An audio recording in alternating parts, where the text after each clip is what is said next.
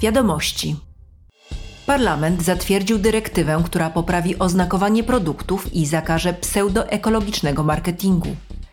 Nowe przepisy mają uprościć i uwiarygodnić oznakowanie towarów.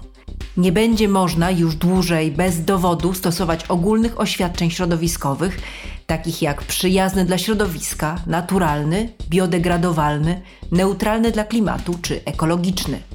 W Unii etykiety takie będzie można stosować tylko w oparciu o oficjalne systemy certyfikacji lub systemy certyfikacji wprowadzone przez władze publiczne.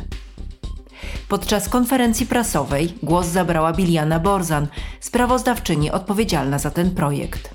European Parliament achieved a ban on claims based on emissions offsetting schemes. Parlament Europejski osiągnął zakaz powoływania się na systemy kompensowania emisji, na przykład poprzez sadzenie drzew.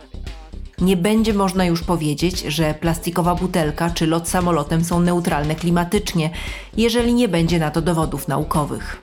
Since there is no scientific evidence for that. Przepisy obejmą też nowe etykiety dla produktów o przedłużonej gwarancji. Dyrektywę musi teraz zatwierdzić Rada.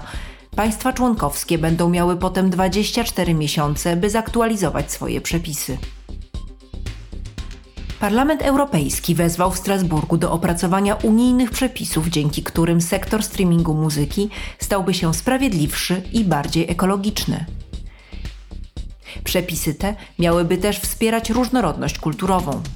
Zdaniem europosłów dochody z unijnego internetowego rynku muzyki nie są sprawiedliwie rozdzielane. Zaproponowali oni wprowadzenie limitów dla utworów muzycznych z Europy. W tym tygodniu Parlament i Rada porozumiały się co do wzmocnienia przepisów zapobiegających praniu pieniędzy, finansowaniu terroryzmu i unikaniu sankcji. Banki oraz inne instytucje finansowe i niefinansowe będą musiały wdrożyć środki, by chronić rynek wewnętrzny Unii. Dzięki nowym przepisom możliwy będzie dostęp do informacji o faktycznych właścicielach firm. Służby wywiadu finansowego zyskają też szersze uprawnienia. Od 2029 roku przepisami dotyczącymi przejrzystości zostaną też objęte kluby piłkarskie.